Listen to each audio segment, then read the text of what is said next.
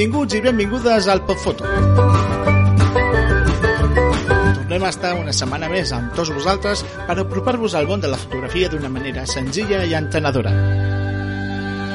Per a qui encara no ens conegui, dir-li que Podfoto és el podcast de Mediacom Ràdio dedicat a parlar en català sobre fotografia.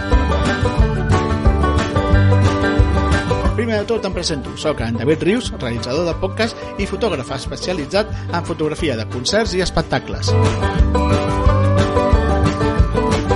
I comencem aquí un nou episodi de podcast, on avui us parlarem de les noves càmeres sense mirall de fotograma complet, les conegudes mirrorless full frame, que han llançat al mercat les principals marques del sector. Però, com ja és costum en la presentació del podcast, abans d'entrar en matèria us recordem quines són les nostres vies de contacte i les nostres xarxes socials. Us podeu comunicar amb nosaltres mitjançant el nostre correu electrònic mediacomradio.gmail.com mediacomradio.gmail.com També via missatge directe al nostre compte d'Instagram podfoto barra baixa mediacomradio podfoto barra baixa mediacomradio i també amb un missatge privat al nostre compte de Twitter arroba mediacomradio i podeu escoltar i subscriure-us al podcast a iVoox, Spotify, Apple Podcast i Podimo.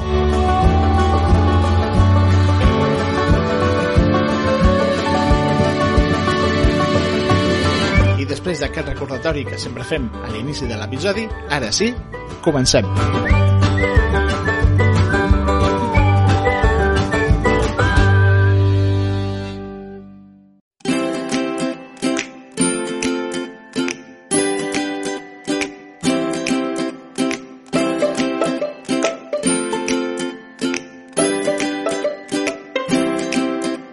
I com hem explicat fa un moment, en l'episodi d'avui us parlarem de les noves càmeres sense mirall de fotograma complet, les conegudes mirrorless full frame, que les principals marques del sector han presentat darrerament. Anem a conèixer-les.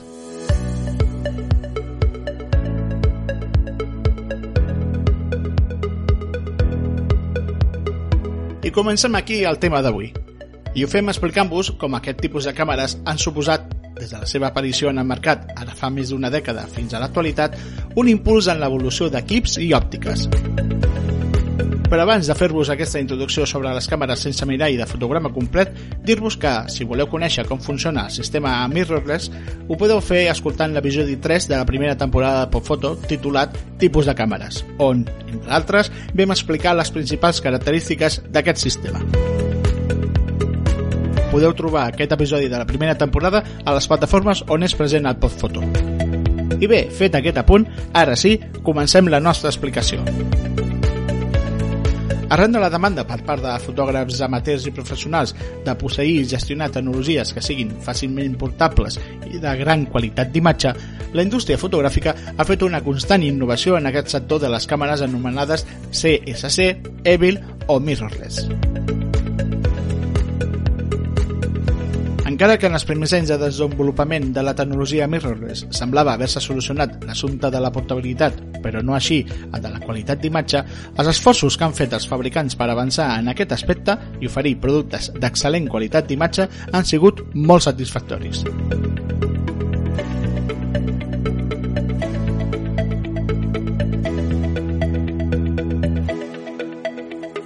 Un dels fabricants que va ser pioner en el mercat de la sense mirall va ser Sony, qui, mogut per l'afany de satisfer els fotògrafs, va llançar el 2010 la Nex 5, anomenada la més petita i lleugera càmera amb lents intercanviables del món. Altres fabricants com Panasonic, Olympus i Leica també van crear les seves versions d'equips sense mirall.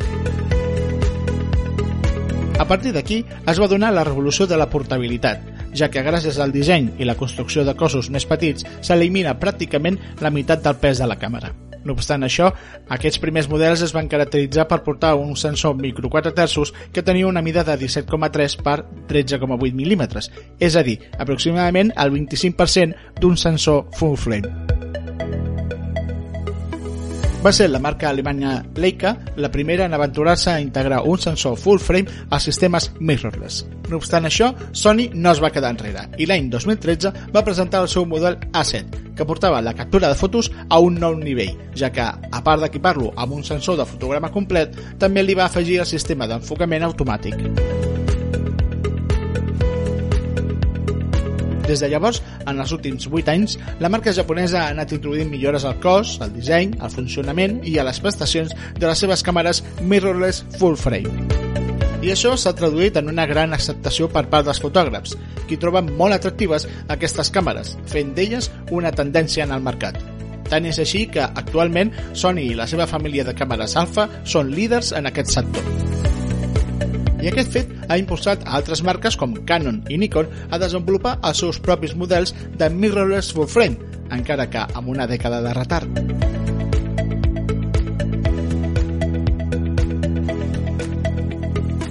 El mercat de les càmeres sense mirall de fotograma complet està actualment en el seu millor moment, degut a la demanda d'aquestes màquines per part de tot tipus de fotògrafs, com també per la ferma aposta que han fet les marques per a aquest ventall de productes. És per aquesta raó que ara podem trobar equips amb excel·lents qualitats d'imatge i prestacions a uns preus igualables o, a vegades inferiors, als de la reflex de fotograma complet.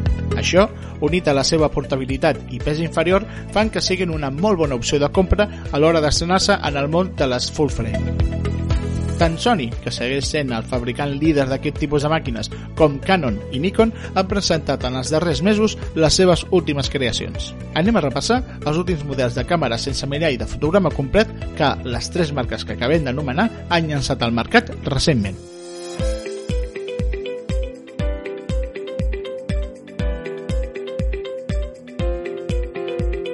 I comencem amb la Sony A1 o Alpha 1. Es tracta d'una nova càmera de la família Alpha que s'anuncia com el primer pas de la marca cap al futur de la sense mirall de fotograma complet.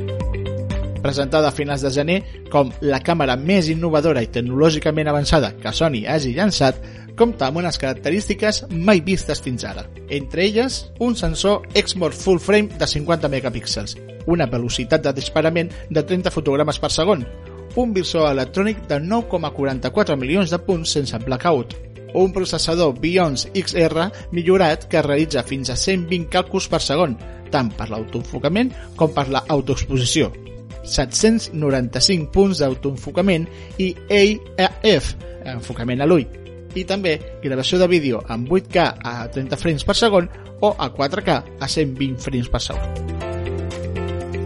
Per si totes aquestes característiques que hem dit no fossin suficients, aquesta nova càmera Sony també incorpora un nou sistema d'estabilització d'alta precisió que aconsegueix una estabilització d'imatge de fins a 5,5 passos. A més, la A1 també compta amb un mode actiu que ofereix una estabilització excepcional a l'hora d'enregistrar pel·lícules en mode manual. També és cridanera la velocitat de sincronització de flash amb la qual treballa la Sony Alpha 1 i que, segons la marca, és la més ràpida del món. 1.400 segons amb obturador mecànic. És clar que els seus 15 passos de rang dinàmic i una sensibilitat entre 100 i 32.000 ISO, ampliable entre 50 i 102.400 ISO, tampoc són menys preables i auguren una extraordinària qualitat per a aquesta càmera que també permet disparar de forma totalment silenciosa. I com era d'esperar, el seu sistema d'autoenfocament és el més evolucionat de la casa, amb 759 punts AF de detecció de fase, que cobreixen aproximadament el 92% de l'àrea de la imatge i ofereixen un rendiment fins a un 30% millor que el sistema anterior. Pel que fa al vídeo, per primera vegada en una càmera de la sèrie Alpha s'ofereix gravació 8K a 30 fotogrames per segon a 10 bits, amb sobremostreig de 8,6K per a una millor resolució, també pot gravar en 4K de fins a 120 fotogrames per segon, el que possibilita realitzar vídeos en càmera lenta de fins per 5. D'altra banda, és compatible en diversos estàndards de gravació de vídeo.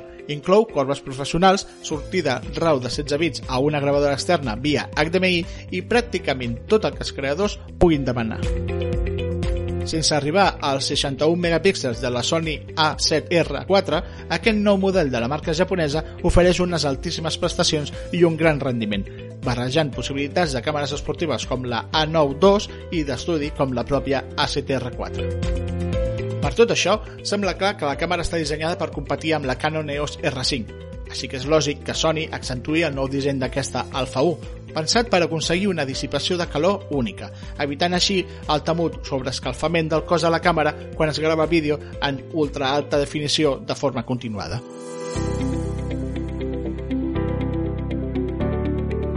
I la següent càmera mirrorless full frame de la que us parlem és la Canon EOS R5. Després de mesos de rumors i diversos avanços de la pròpia marca, Canon va presentar aquesta càmera al juliol de l'any passat. I com apuntaven tots els rumors que corrien sobre aquesta presentació, la EOS R5 no va aparèixer sola.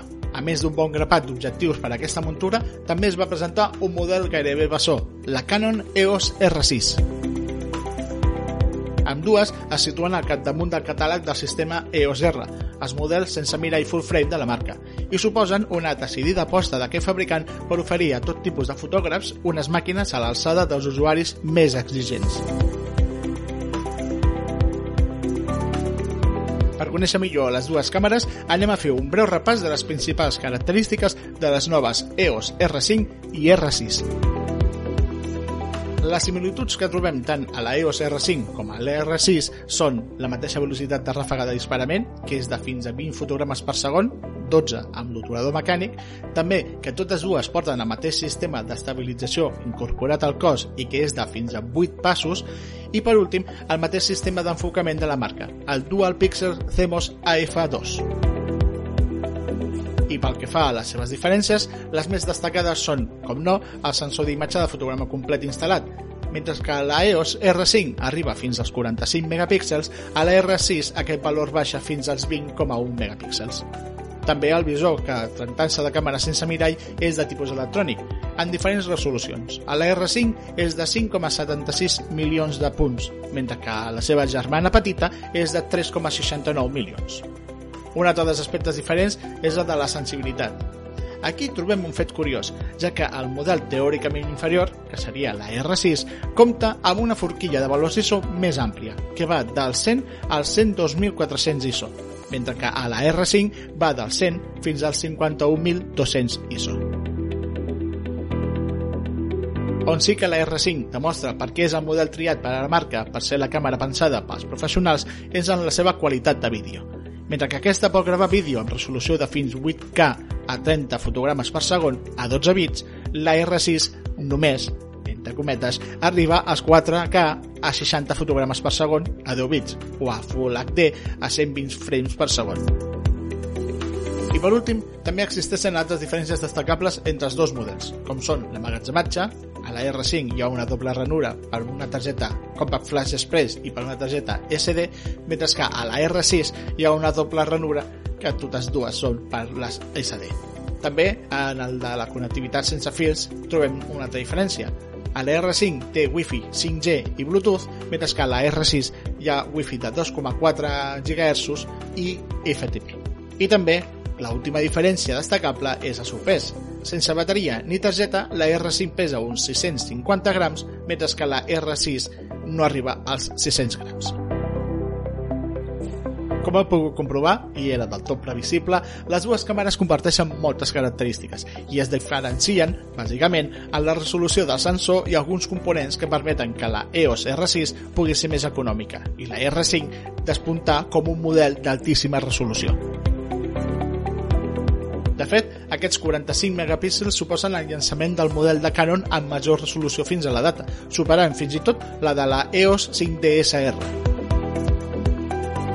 A part de la resolució, també cal destacar altres punts forts d'aquests nous models de Canon, com el sistema d'estabilització en el cos de 5 eixos, una característica molt esperada pels usuaris més exigents de la marca i que ha estat dissenyada per treballar amb el sistema IS dels objectius RF que pot arribar fins als 8 passos de compensació, també unes capacitats de vídeo que ja van ser causa de ser en renou perquè la R5 promet gravació de vídeo interna a 8K i 29,97 frames per segon 30 frames per segon en una relació de 422 a 10 bits això la R5 perquè la EOS R6 es conforma, entre cometes, amb 4K a 59,94 frames per segon, a 60 frames per segon, o Full HD fins a 120 frames per segon.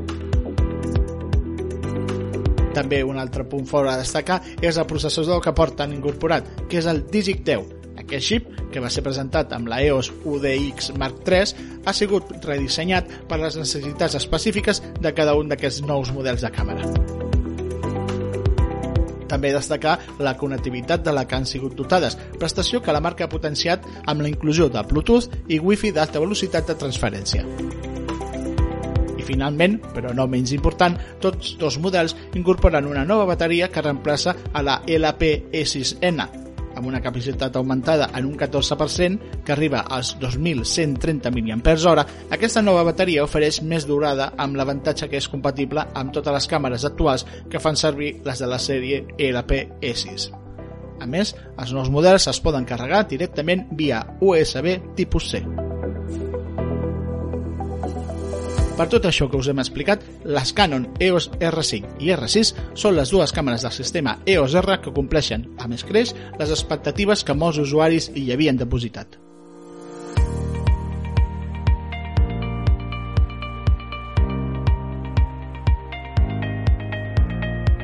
I després de conèixer els dos models de càmeres mirrorless full frame de Canon, anem a descobrir els models de la marca Nikon.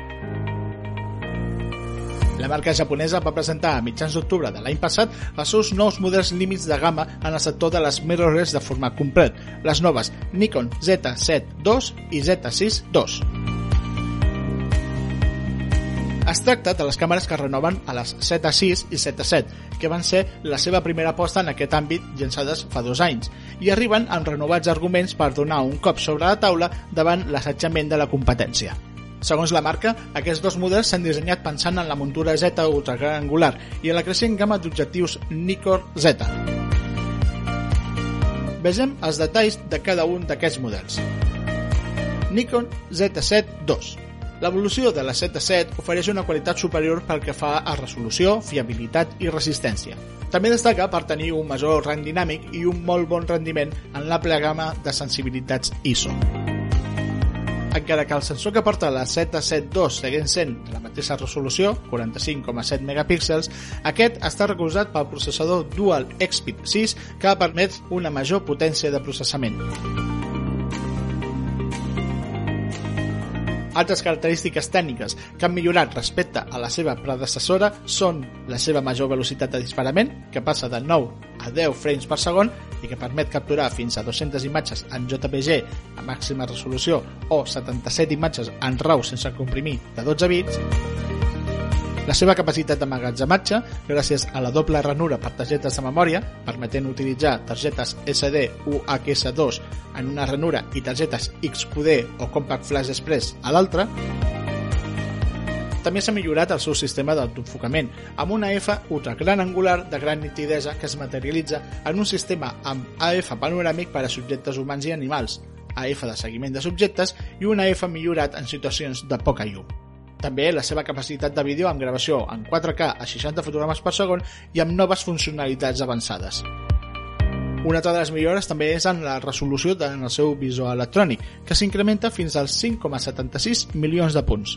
I finalment, una nova bateria amb més capacitat i alimentació mitjançant USB tipus C.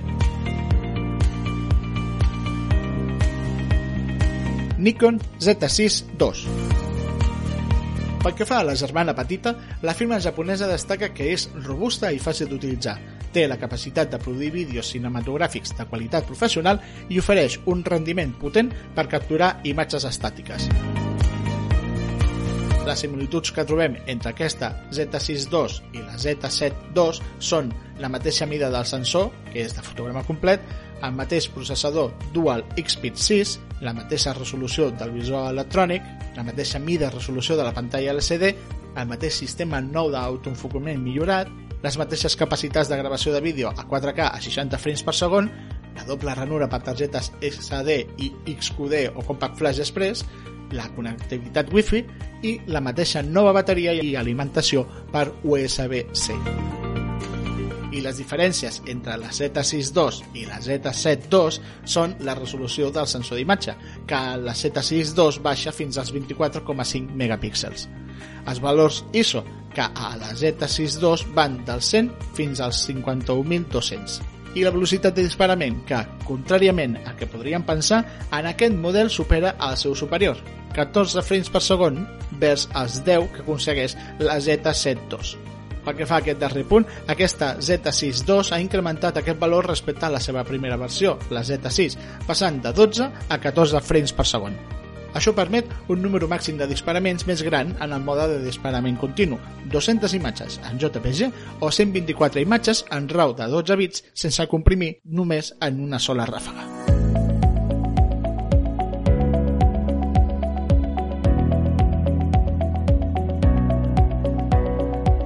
I bé, ja hem repassat les noves càmeres sense mirall de fotograma complet que les tres principals marques del sector han llançat al mercat darrerament. Abans de tancar completament aquest episodi, us volem comentar que, com heu pogut comprovar, no hem fet menció del preu de venda en cap dels models que hem anomenat. I la raó per no haver-lo fet és senzilla. Els preus dels productes fotogràfics són molt canviants i estan condicionats per molts factors que fan que aquests variïn. És per això que hem decidit no donar els preus dels models analitzats, ja que aquests van en funció de moltes variables i aquesta informació seria aviat obsoleta.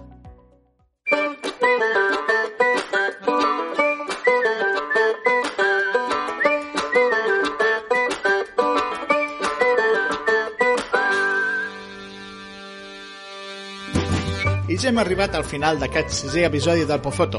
Haurem conegut les noves càmeres sense mirall de fotograma complet que les principals marques han estrenat recentment. Tornarem amb un nou episodi del Pofoto el divendres vinent. Fins llavors, ja sabeu que ens podeu seguir al nostre perfil d'Instagram, podfoto barra baixa Mediacom Ràdio, podfoto barra baixa Mediacom Ràdio i escoltar-nos mitjançant les plataformes iVox, Spotify, Apple Podcast i Podimo.